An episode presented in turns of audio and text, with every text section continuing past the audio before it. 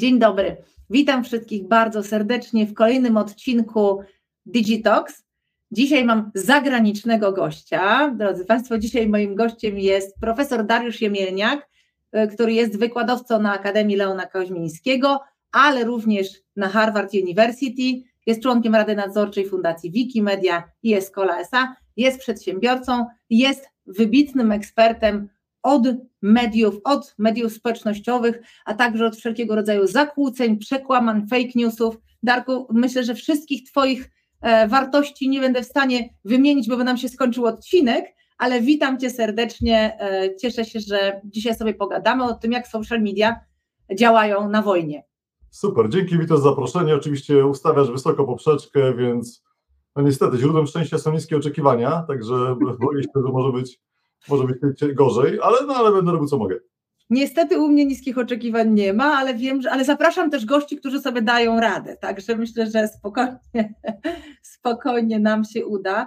E, Darku, jesteś e, w Stanach w tej chwili i tam badasz różne ciekawe tematy, ale dzisiaj chciałabym Cię e, podpytać i chciałabym, żebyśmy naszym widzom i słuchaczom opowiedzieli trochę o tym, już ciągniemy taki e, temat okołowojenny, wydaje mi się, że jest nadal bardzo, bardzo ważny dla nas wszystkich. E, a z Tobą szczególnie chciałabym omówić, jak wygląda w ogóle ta sytuacja wojenna z mediami społecznościowymi. Może zacznijmy od tego zjawiska, które chyba jeden, chyba po raz pierwszy na taką skalę się zadziało, czyli że w ogóle jakiś kraj został, no poza Chinami, bo w Chinach to się dzieje, jakiś kraj został w pełni praktycznie odłączony od jakichkolwiek międzynarodowych mediów. Wszystkie social mediowe, globalne platformy zostały w Rosji odłączone. Proszę Cię o Twój komentarz, e, jak to widzisz, jakie to ma implikacje, co to oznacza? No, przede wszystkim trzeba pamiętać, że to nie jest takie do końca odłączenie, bo najpopularniejszą w tej chwili aplikacją e, pobieraną w Rosji jest aplikacja do VPN-u, czyli właśnie do tego, żeby obchodzić te zabezpieczenia. W Chinach to poszło dużo dalej, bo jeśli w Chinach ktoś sobie VPN ściągnie, to po pierwsze może spotkać się z sankcjami, po drugie Chińczycy bardzo aktywnie te popularniejsze serwisy VPN blokują, więc Chiny są już bardziej odcięte. E, w Rosji to dopiero raczkuje, aczkolwiek trzeba pamiętać, że Rosja już tego rodzaju ciągotki wyrażała lata temu. Oni się szykowali troszkę na tego rodzaju możliwość, ponadto trzeba pamiętać też, że Rosja to jest jednak dosyć duży kraj. E, oni sobie w pewnym sensie mogą na to pozwolić, bo gdyby Polska chciała się odciąć od reszty internetu, no to co byśmy próbowali wskrzeszać gadu-gadu, to jest jakby mało, mało Naszą klasę. Naszą klasę, dokładnie, czy grono. Natomiast Rosja to już jest rynek duży, mamy tam Atlasniki, mamy w kontakcie, jest tam już sporo serwisów, które właśnie te funkcje społecznościowe pełnią i też pamiętajmy, że z naszej perspektywy jest Facebook i nic poza tym. Tymczasem z perspektywy czy chińskiej, czy rosyjskiej, to Facebook nie zawsze jest w ogóle najważniejszym medium społecznościowym w wielu kręgach. Oczywiście Facebook w, w Rosji był popularny i to nie ma dwóch zdań. Facebook, Instagram oczywiście miały ogromną rolę, ale nie jedyną. W związku z czym jest alternatywa. Rosja umiejętnie pograła w to, że ta alternatywa istnieje dzięki temu mogą bardzo sprawnie odcinać ludzi od no, po prostu szerszego, szerszego spektrum informacji. A jakie to ma szerokie implikacje? No bo jednak międzynarodowe media społecznościowe powodują to, że możesz na zewnątrz kraju też robić biznes. Czy to e, było wiele informacji na ten temat w mediach, że dla wielu osób i z zewnątrz, e, i z wewnątrz to była po prostu strata e, codziennego utrzymania, już nie mówiąc tylko o, komu, o kontakcie. No tak, oczywiście Rosja się z tym zupełnie nie liczy. No przecież tam wszyscy, którzy mamy jakiekolwiek pieniądze na giełdzie, dostaliśmy teraz po głowie, po kieszeni, a tym bardziej ludzie, którzy żyją z Facebooka, czy to mieszkając w Rosji, próbując tam chociażby jak influencerzy, influencerki robić jakieś biznesy, czy chociażby utrzymując kontakty z klientami z Rosji. Przecież jest mnóstwo biznesów typu B2C, które także opierają swoje kanały komunikacji na media, o media społecznościowe. Także ewidentnie, ale Rosja się z kosztami tutaj zupełnie nie liczy. No biorąc pod uwagę, jak ogromne koszty przecież ponoszą w tej chwili poprzez wycofanie wielu koncernów ze Stanów Zjednoczonych poprzez utratę kontraktów, to w ogóle kropla w morzu. To zupełnie nieporównywalne kwoty są z mediami społecznościowymi. Tak, tutaj to po prostu tylko dotknęło pojedyncze osoby, które i tak już, te, już wiele tych implikacji na siebie biorą. E, po, po, porozmawiamy szerzej o, o w ogóle o dezinformacji w mediach. E, i o dezinformacji w polskich mediach, no bo to naszych widzów i słuchaczy będzie najbardziej interesowało. Co się tutaj dzieje, powiedz? No właśnie, to też trzeba pamiętać o tym, że jak mówimy, że wojna się zaczęła w Rosji, rosyjska inwazja na Ukrainę zaczęła się w lutym, to po pierwsze jest nieprawda, bo zaczęła się parę lat temu przecież na Krym, a po drugie ta inwazja ma tylko wymiar, y, ma nie tylko wymiar militarny, ale także wymiar informacyjny, w związku z czym jak spojrzymy na to, co się dzieje w Polsce, to widzimy, że ta wojna już trwa, trwa od kilku lat co najmniej i widzimy bardzo wyraźne przyczółki Najprawdopodobniej, zobacz, nikogo nie złapałem za rękę, ale, ale mój zespół tym się zajmuje i badamy to od lat. Przyczółki informacyjne ludzi, którzy albo z głupoty, albo za pieniądze powielają różnego rodzaju e, memy dezinformacyjne, które mają na celu no, destabilizację naszego kraju. Powiedz na, e, o kilku przykładach takich memów. Co, co, to jest, żebyśmy też mogli się ustrzec? No właśnie, to, to, to też jest ciekawa rzecz, że Wojnę informacyjną się prowadzi nigdy, nie prowadzi się nigdy na jednym froncie. To jest wojna, która trwa na wielu frontach, począwszy od zupełnie absurdalnych tez, czyli kompletnie nonsensownych, jak chociażby zniechęcanie ludzi do szczepień obowiązkowych, czyli zniechęcanie ludzi do szczepienia na przykład na odrę czy różyczkę, co ma bardzo sensowny z punktu widzenia państwa totalitarnego wymiar, bo wystarczy, pamiętaj, że przy odrze mamy 93% wyszczepialności stadnej. Jeżeli mamy ten próg, 93% populacji jest wyszczepiona, to wszyscy są chronieni, nie będzie pandemii. Jeżeli mamy poniżej tego progu, no to już wtedy wszyscy mamy problem. W związku z czym wystarczy, ponieważ jesteśmy w okolicach tej, tego progu wyszczepialności, wystarczy zmienić punkt widzenia 1-2% populacji, żeby wszyscy dostali po głowie. To jest bardzo łakomy kąsek dla ludzi, którzy zajmują się wojną informacyjną, bo jest to dość nisko wiszący owoc. Więc jakby począwszy od tego rodzaju nonsensów, czyli podważania ustabilizowanej od lat wiedzy medycznej, od dziesiątek lat, po rzeczy mniej kontrowersyjne, czyli na przykład po dyskusji o tym, czy Polska powinna wyjść do strefy euro. Pamiętajmy, że to jest coś, nad czym ekonomistki, ekonomiści się zastanawiają od lat. Są różnego rodzaju poglądy. Tak, nie, może teraz, może później. Koniec końców, ten big picture, o którym tu mówimy, jest taki, że im bardziej Polska jest połączona z, z krajem Unii Europejskiej, z Europą, tym trudniej jest ją wyhaczać, wyciągać. W związku z czym każde możliwe połączenie, czy to będzie strefa Schengen, czy to będzie euro, czy to będzie członkostwo w Unii Europejskiej, jest zdecydowanie pod silnym naciskiem dezinformacyjnym. No i dezinformacja tutaj może polegać chociażby na sianiu dezinformacji o cenach e, w krajach, które przyjęły euro. Była taka duża kampania, no, znowu nie złapaliśmy nikogo za rękę, ale myślę, że zdecydowanie z adresem e, na, za wschodnią granicą, była duża kampania o tym, że jakie ta drużyzna się zaczęła po tym, jak wprowadzono euro. Oczywiście w kalkulacji finansowej to nie miało żadnego sensu, to się nie zamykało, tak po prostu nie było, no ale co z tego, wywoływano panikę, podobnie współcześnie, przecież słyszeliście na pewno e, wszyscy, różnego rodzaju nonsensy o tym, że osoby z Ukrainy mają lepiej niż Polki i Polacy w przychodniach przy, przy, czy w różnego rodzaju usługach publicznych, co oczywiście jest nonsensowne, ale jak się coś takiego słyszy, to jaka jest reakcja? I to trzeba pamiętać właśnie, jak działają mechanizmy dezinformacyjne. Jaka jest reakcja?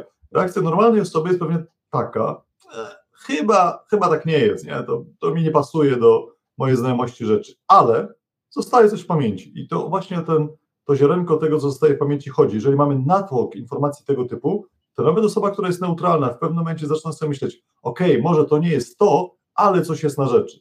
Czyli zaczyna zmieniać troszeczkę swoje nastawienie.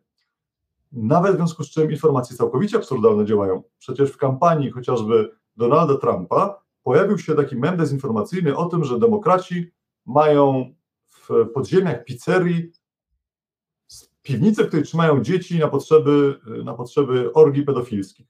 I że Hillary Clinton jest to osobiście, personalnie zaangażowana. No, chyba się wszyscy zgodzimy tutaj, że tego rodzaju informacja no już na pierwszy rzut oka nie brzmi przesadnie prawdopodobnie, tak? Fair enough, tak? To, to jest zupełnie absurdalna rzecz, ale ona była z jednej strony absurdalna, z drugiej strony spowodowała, że człowiek który się poddał tej dezinformacji, pojechał tam z karabinem, żeby te dzieci uwalniać bohatersko, a z drugiej strony u znacznie większej liczby osób wywołała efekt pewnej niechęci, pewnego odrzucenia do Hillary Clinton, po prostu zohydzania. Okej, okay, ukradł, jemu ukradli zamieszane w kradzież. To tego typu mechanizm. Dokładnie. Ja nawet mm, widziałam, że pojawiły się na początku pandemii, też na początku wojny też sporo informacji o tym, że E, konta e, e, różnych influencerów w mediach społecznościowych, które wcześniej były właśnie kontami antyszczepionkowymi, albo w ogóle takimi troszeczkę czarującymi rzeczywistość, teraz są kontami ewidentnie służącymi dezinformacji rosyjskiej, prawda? Pojawił się taki raport rzeczywiście, no nie był to raport naukowy, więc my, my, my teraz razem z moim zespołem na Akademii Lewa Koźmińskiego weryfikujemy tak naprawdę to, pamiętaj, że korelacja nie oznacza przyczynowości.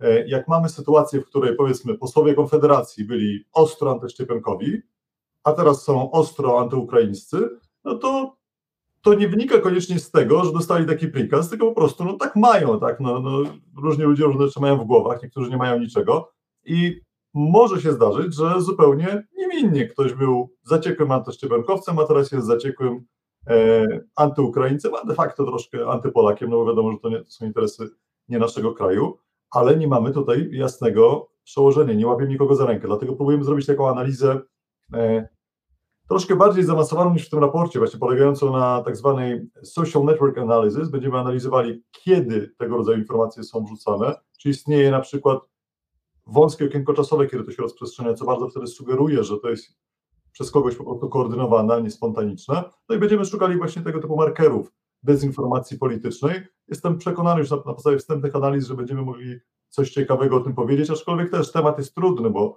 pamiętaj, że Twitter niestety no nie ma osobnego dostępu dla zespołów badawczych, który by dawał wgląd na przykład skasowane tweety, co niestety z punktu widzenia wykrywania dezinformacji jest trudne, bo dezinformacja uderza w ciągu 24 godzin. Jeżeli ktoś później to zgłosi, że to była dezinformacja, Twitter to usunie, to powiedziałbym, że efekt jest wręcz negatywny, dlatego że my nie jesteśmy w stanie tego wykryć, a straty już zostały poniesione. Tak, a poza tym ludzie e, różnie do tego podchodzą, bo czasami mogą powiedzieć, aha, ktoś to usunął, to może to była właśnie prawda. E, więc tak, czasami ma odwrotny skutek. Które oczywiście się też rozprzestrzeniają bardzo mocno, chociażby to widać po lekarzach. Jeżeli lekarz, niezależnie od specjalizacji, prawie nigdy nie są wirusolodzy czy osoby, które znają na, na e, chorobach zakaźnych, ale dowolny lekarz już ma plakietkę medyczną, będzie się wypowiadał sceptycznie o, o programie szczepień, to zawsze będzie miał ogromne kudosy, ogromne docenienie u tych grup antyszczepionkowych, a także oczywiście będzie się mógł załapać na strumień pieniędzy, bo z tego koniec końców sporo osób żyje. Dobrze, y, y, wiesz to pójdźmy tym wątkiem. Mm, y, powiedz mi Darek, co, co możemy my zrobić, przeciętni użytkownicy mediów społecznościowych, żeby nie dokładać swojej cegiełki do tego? No ja bym ustalał cele nisko, ale realistycznie. To znaczy, wydaje mi się, że wielkie założenie, że my jako użytkowniczki, użytkownicy mediów społecznościowych będziemy mogli odwrócić bieg rzeki, jest nierealistyczne. To jest po prostu to jest kwestia odpowiedzialności instytucjonalnej Twittera, Facebooka i to one powinny być złapane za gardło, bo robią też duże pieniądze na kampaniach dezinformacyjnych. Troszkę to jest wina nie do władzy oczywiście regulatora, a nie tychże samych firm, bo one robią tak, jak im pozwalamy e, prawnie. Natomiast co możemy zrobić my jako zwykli użytkownicy i użytkowniczki? Przede wszystkim myślę, że bardzo ważną rzeczą jest niepowielanie informacji, które są zbyt niewiarygodne, by były prawdziwe. Widzimy, że coś jest sensacyjnego, to musimy zwalczyć w sobie ten przemożny pęd do tego, żeby się tego rodzaju informacją podzielić ze znajomymi. Dlatego, że jeżeli coś jest zbyt niewiarygodne, by było prawdziwe, to pewnie nie jest prawdziwe. Druga rzecz, bardzo istotna, a wydaje mi się, że tutaj ogromna nastąpiła zmiana w ciągu ostatnich lat. Nie powielajmy informacji, które nie zostały zweryfikowane redakcyjnie.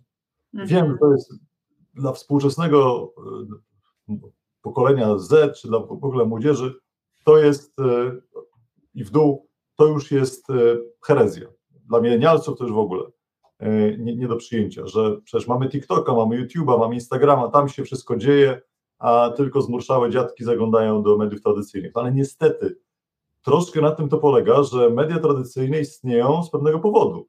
Tak samo jak mamy lekarzy, którzy muszą przejść wieloletni trening, żeby dopiero się zabrać do leczenia, tak samo mamy dziennikarzy, którzy muszą najpierw się nauczyć swojego fachu, znać podstawowe zasady kilkukrotnej weryfikacji tego samego faktu, ale także jest proces redakcyjny.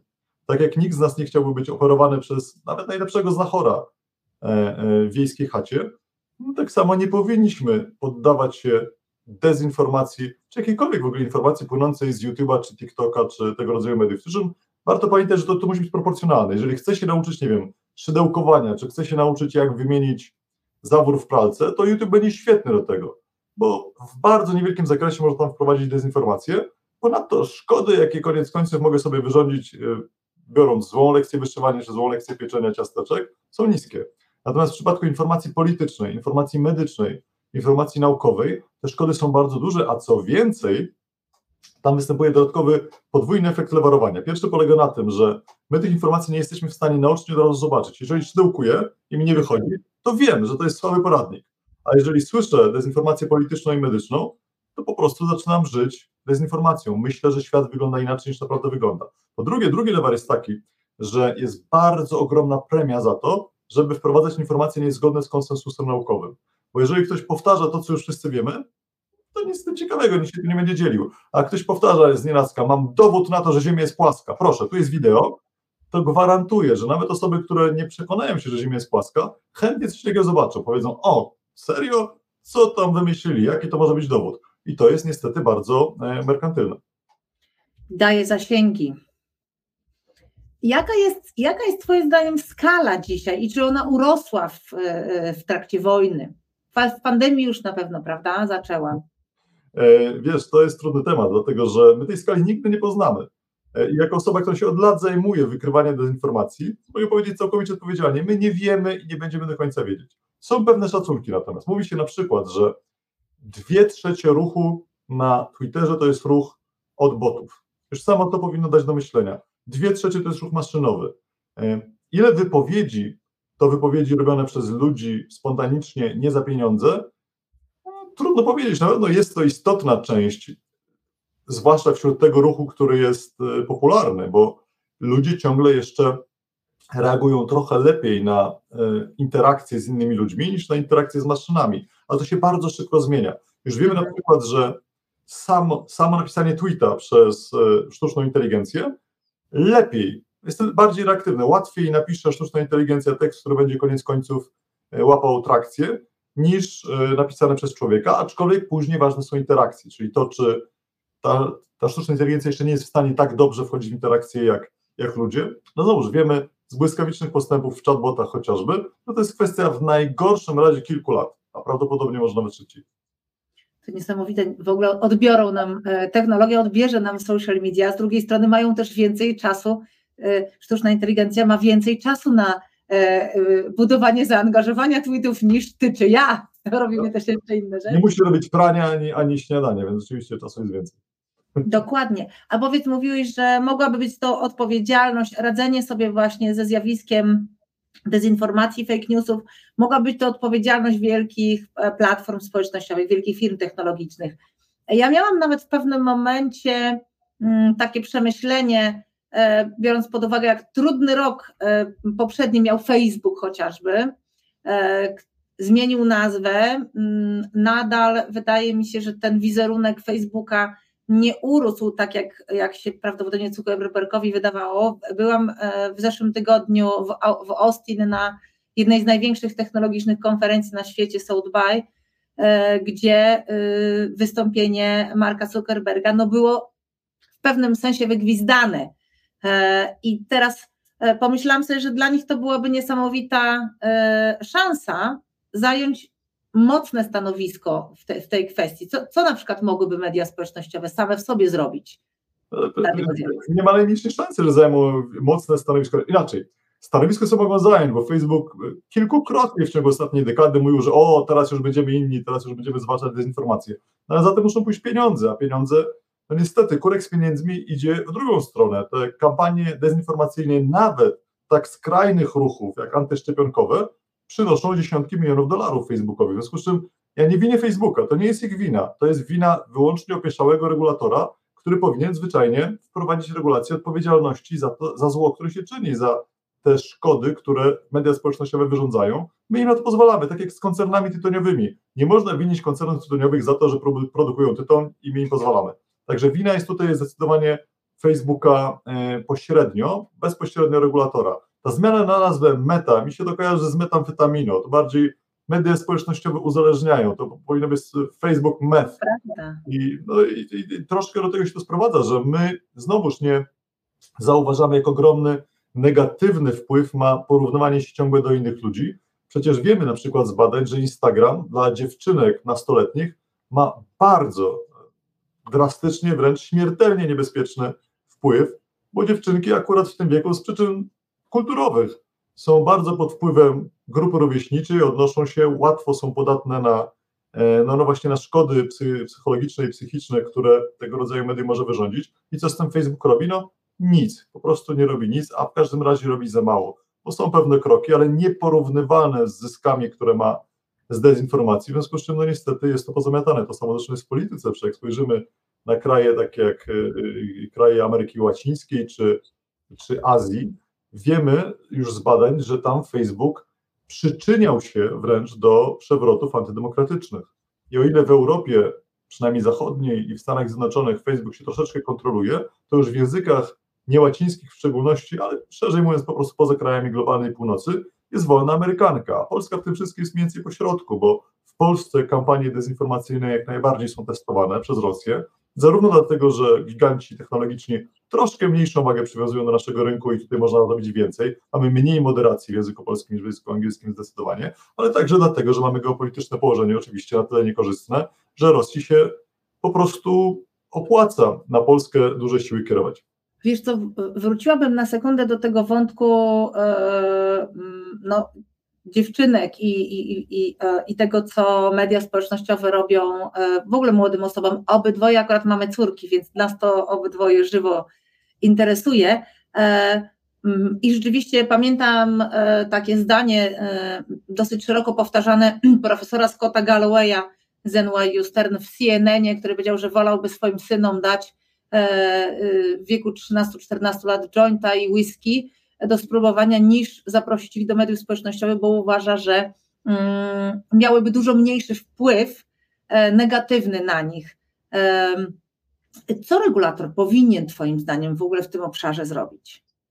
No, myślę, że niezbędnym wymogiem, w przypadku tutaj nie wchodzę akurat w dyskusję o tym, co można by zrobić, żeby ten świat był troszeczkę lepszy już w mainstreamie, ale przynajmniej w zakresie dezinformacji są nisko wiszące owoce, czyli na przykład wprowadzenie mechanizmów blokowania dezinformacji, wprowadzenie uprzywilejowanego akcesu dla e, e, agent rządowych i badawczych do tego, żeby analizować te dezinformacje, żeby szybciej ją wykrywać i stopować w zarodku, stworzyć mechanizmy, w których można w uprzywilejowany sposób zgłaszać tego rodzaju sieci dezinformacyjne, czyli nie, nie na zasadzie, że ja coś zgłoszę i za parę dni mi Twitter czy Facebook odpowiedzą, że właściwie to nie, wie, nie wiedzą o co mi chodzi, co, co naruszało, tylko właśnie stworzenie błyskawicznych sieci reakcji, stworzenie płatnych y, przez Facebooka sieci moderatorów i moderatorek, którzy będą się zajmowali właśnie wykrywaniem dezinformacji, a nie tylko i wyłącznie odpowiadaniem na zgłoszenie, że ktoś kogoś obraził i właściwie nie wiadomo o co chodzi. Pamiętaj swoją drogą, że ten świat moderacji jest strasznie nisko opłacany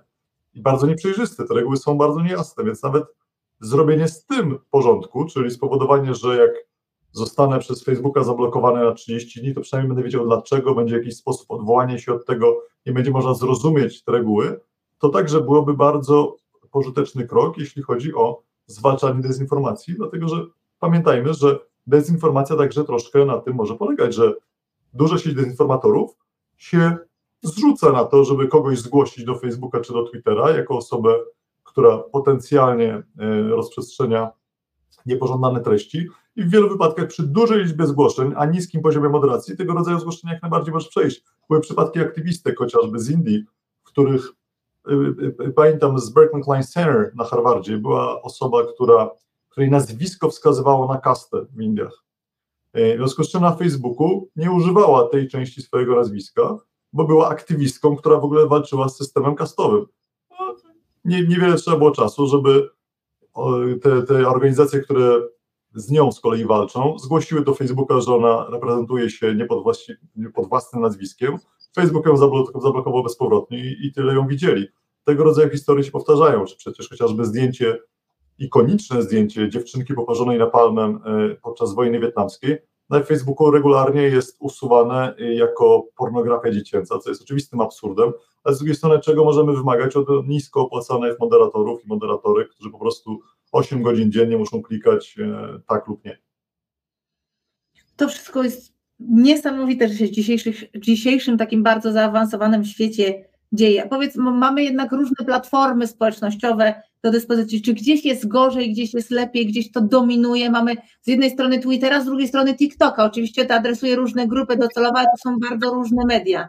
Powiedz, jak to się różni per medium? No, bardzo istotną różnicą jest to, że media wizualne, media wideo zwłaszcza, są trudniejsze do analizy. W związku z czym dezinformacji jest trudniej zapobiegać, jeżeli polegamy na, no, no po prostu na algorytmach wykrywania słów kluczowych. To w przypadku TikToka czy, czy YouTube'a to jest zdecydowanie opóźniony efekt, a jak już mówiłem, to 24 godziny pierwsze od publikacji są bardzo istotne. Co więcej, a wrażenie, a wrażenie robią dużo większe. Dokładnie, wrażenie zrobiły, zniknęły już i, ty, i tyle ich widzieli, w związku z czym e, ta reakcja musi być szybka. E, w przypadku mediów takich jak e, Facebook czy Instagram, czy właśnie cały ten ekosystem Meta, także jest bardzo utrudniony dostęp do danych. Zarówno świat badawczy, jak i wszelkiego rodzaju agendy medyczne, rządowe mają bardzo utrudnione śledzenie tego, co się tam dzieje, no i tworzą się tam też zamknięte światy. Przecież Meta właśnie wręcz opiera się w dużym stopniu w tej chwili na grupach zamkniętych, które żadnej analizie nie są poddawane, a tam właśnie przechodzą ludzie, którzy podlegają radykalizacji, czyli z osób o poglądach umiarkowanie niesprecyzowanych mogą wręcz do bardzo radykalnych poglądów dojść dosyć szybko.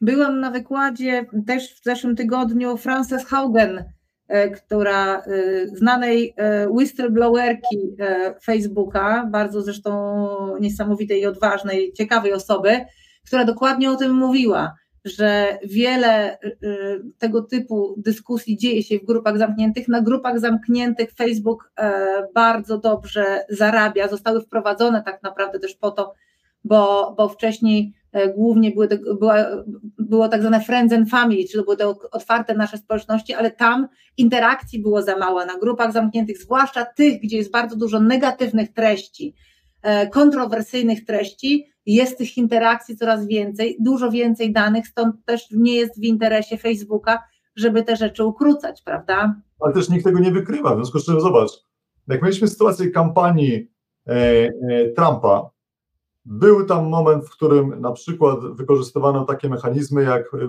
zachęcanie, pokazywanie ludziom, którzy prawdopodobnie jakby poszli do wyborów, to by głosowali na Hillary, pokazywanie im reklam tanich wakacji w okresie, w okresie wyborów. No, ewidentnie już takie troszkę zahaczające o manipulacje, ale przynajmniej byliśmy w stanie o tym wiedzieć, bo Facebook musi podawać informacje, dlaczego komuś jakąś, jakąś reklamę pokazał. Mhm. To tego rodzaju wymóg już istnieje. Ale co się dzieje w zamkniętych grupach, tego po prostu nie wie nikt i nawet nie jesteśmy w stanie zrobić dobrego uzasadnienia ilościowego, dlaczego te grupy powinny być przynajmniej dla agent rządowych i, i badaczy, badaczek otwarte, bo nie mamy jak. Możemy robić jedynie badania jakościowe, czyli mozolnie wkradać się w łaski tych y, różnego rodzaju grup ekstremistycznych, wchodzić na te grupy, przebywać na nich, to też jest utrudnione, bo trzeba do tego tworzyć osobne persony, co Facebook bardzo aktywnie zwalcza. Więc wydaje mi się, że Facebook stworzył sobie własny ekosystem, do którego stara się nikogo nie dopuścić, nie poddawać żadnej kontroli. To jest też bardzo duży problem. Brak kontroli tego, co się tam dzieje. To jest niesamowite. Żyjemy tam, a biorąc pod uwagę e, budowany w tej chwili e, świat metaversum, który zobacz ile, e, tak na koniec może futurystycznie po, po, pogadajmy chwilę, ile możliwości dodatkowych dla, dezin, dla siania dezinformacji, budowania w ogóle alternatywnych narracji da nasze coraz większe, po pierwsze, e, wszystkie media społecznościowe idą mocno w wideo, promują to wideo, tego wideo będzie coraz więcej, treści e, tekstowych będzie coraz mniej. Z drugiej strony technologia, która daje im olbrzymie możliwości e, tworzenia deepfake'ów, gdzie może twarz mówić zupełnie co innego niż ta rzeczywista twarz by chciała powiedzieć. E, można e, budować zdjęcia, materiały wideo, które w ogóle nie istnieją, a jednocześnie pokazują nam coś i tu bardzo trudno jest zweryfikować, zaprzeczyć. A z drugiej strony, w momencie, w którym każdy będzie mógł mieć dowolnego awatara w meta rzeczywistościach, no to już e, kolejna warstwa tych fejków wejdzie, prawda? Zdecydowanie tak, aczkolwiek myślę, że paradoksalnie to może spowodować wreszcie otrzeźwienie i powrót do doceniania źródeł, bo to jest bardzo istotne, rozumienie hierarchii źródeł, że jak jakąś informację podaje BBC, to ma zdecydowanie wyższą wartość, niż jak ją podaje, no nie wiem, Pudelek, a na pewno jeszcze wyższą niż jak podaje jakaś influencerka czy influencer na mediach społecznościowych. Zaczniemy to doceniać, bo zaczniemy doceniać wartość weryfikacji informacji. Tak przynajmniej mam ogromną nadzieję, że będzie, bo jak nie, to po prostu wszyscy jesteśmy zgubieni. No właśnie, to też jest bardzo ciekawe, dlatego że z drugiej strony, jak patrzymy na trendy y, w rozwoju mediów społecznościowych, to um, autentyczność jest tym trendem, ale autentyczność potem objawia się jako większe zaufanie do influencerów, bo uważamy, że to jest osoba prawdziwa z krwi i kości, która normalnie wygląda, nie jest podkoloryzowana, wyreklamowana, mówi o tym, co, rzeczywiście robi, czy co rzeczywiście wypróbowała, wytestowała, czy wytestował.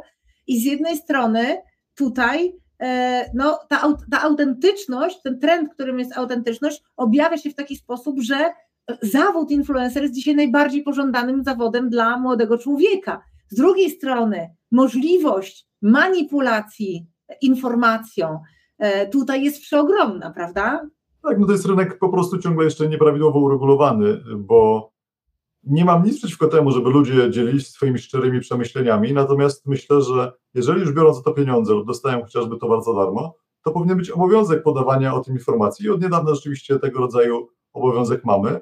Powinno być uregulowane, w jaki sposób tego rodzaju informacja jest przekazywana, no i tak dalej, i tak dalej. No, czy pisanie recenzji na Amazonie, przecież to nadal nie jest do końca uregulowane, a te recenzje mają bardzo duży wpływ na, na zakupy.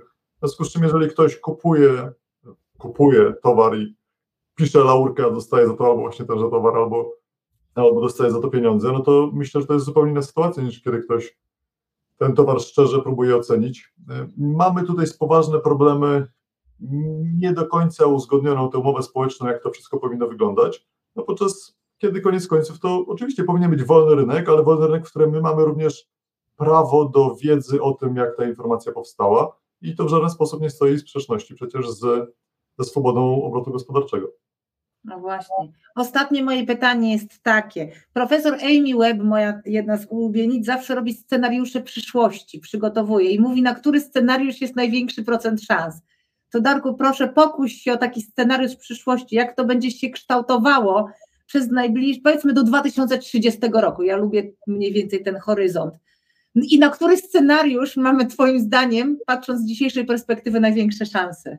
To tylko zacznę od takiego e, dodatku, że jakby pisanie scenariuszy przyszłości jest z definicji skazane na porażkę, tak? Bo mamy miliardy miliardów możliwych wątków, no obstawiamy jeden, w związku z czym nawet jak wydaje nam się prawdopodobne na dzisiaj, to trudno jest rzeczywiście cokolwiek odpowiedzialnie przewidywać. Jak gdybym miał obstawiać pieniądze, to powiesz, powiedział, że w skali globalnej będziemy mieli narastający kryzys klimatyczny i uchodźczy, co w oczywisty sposób przełoży się na radykalizację poglądów i dołoży paliwa partiom e, niedemokratycznym, populistycznym, co niestety no, też przełoży się na politykę, na politykę i podejmowanie decyzji. Nie spodziewam się w związku z czym silnego, odpowiedzialnego e, centrum politycznego w Unii Europejskiej czy w Polsce, co przełoży się oczywiście na niedowład, na to, że korporacje będą zyskiwały na władzy. Ta cyberpunkowa wizja, w której korporacje są potężniejsze od państw, no na, do 2030 roku na pewno się nie ziści, ale jest poważne ryzyko, że nikt nie będzie stawiał tamy tam, gdzie ona powinna być postawiona. No także ryzyko jest poważne takie, że wszyscy powinniśmy sobie szykować plecaki ucieczkowe i, i no, co prawda liczyć na, to, że będzie dobrze, ale także przygotowywać się na najgorsze. A w sferze fake newsowej, w sferze właśnie social mediowej, jak Twoim zdaniem to będzie wyglądało? Będzie się poprawiać sytuację, czyli zaczniemy rzeczywiście dbać o to i regulatorzy wezmą się za robotę, czy raczej Twoim zdaniem będziemy w coraz większym zakłamaniu, dezinformacji, już w ogóle nie będziemy się mogli zorientować? Patrząc, patrząc po tempie działania Komisji Europejskiej z cookies, z regulacjami dotyczącymi cookies kompletnie absurdalnymi, bo cookies jest po prostu elementem technologii już w tej chwili, e, z którym nie ma co się kopać, e, mam bardzo poważne obawy, że nic z tego nie będzie. To znaczy będą różnego rodzaju ruchy, różnego rodzaju działania, które będą, jak to się po angielsku mówi, too little too late, troszkę za mało i troszkę za późno. Także nie mam tutaj dużych nadziei. Boję się, że będzie coraz gorzej. Jak sama wspomniałaś, deepfake'i, to, że ludzie to łykają po prostu bez mrugnięcia okiem uważają, że spoko, a nawet jak to nieprawda, to co z tego fajnie zobaczyć, biorą udział w tej wojnie dezinformacyjnej, powoduje, że nie mam specjalnie optymistycznych wiadomości. No nie, nie, nie, nie będziemy zakończać jakoś bardzo pozytywnie tego naszego dzisiejszego spotkania, ale myślę, że to jest nawet dobrze, dlatego że czasem nam jest też otrzeźwienie potrzebne, bo tylko w sytuacji, kiedy rzeczywiście e, e, wiemy, że nie idzie w dobrym kierunku, też się bierzemy za robotę i zaczynamy coś zrobić. Więc moim apelem takim e, na zakończenie dzisiejszego bardzo ciekawego odcinka, za który Ci Darku bardzo dziękuję, bo z mnóstwem się podzieliłeś takich bardzo szczerych informacji, ale też nie owijałeś w bawełnę, za co Ci bardzo dziękuję. Chcę powiedzieć, że każdy z nas ma dzisiaj obowiązek i prawo i obowiązek samemu wziąć sprawy w swoje ręce, bo jest e, ile? Dwa miliardy e, ludzi na mediach społecznościowych? Więcej. Więcej, więcej. Dwa miliardy jest na, Zagregowanych to jest sporo więcej. Tak, to y, y, wiem, że jakieś takie dwa z hakiem były na Facebooku, y, takie niedawne dane widziałam, więc to, ta, ta, liczba składa się z pojedynczych osób, które mogą w dany sposób reagować, które jeżeli nie znają się na czymś, to się nie wypowiadają na ten temat, a jeżeli mają choć cień wątpliwości, że jakaś wiadomość, jakiś, jakiś materiał wideo jest nieprawdziwy, to zgłaszają to, to, to, to, to aktywnie działają, a na pewno nie upubliczniają tego i nie są przekaźnikiem takich treści. Jeżeli wszyscy będziemy się uczyć nowych technologii, rozumieć ich implikacje i starać się w to angażować, świat może zacznie być trochę lepszym miejscem. Tego się trzymajmy. Tego się trzymajmy. Dziękuję Ci serdecznie, Darku, za dzisiaj. E, no a Was, naszych widzów, zapraszam do kolejnego odcinka.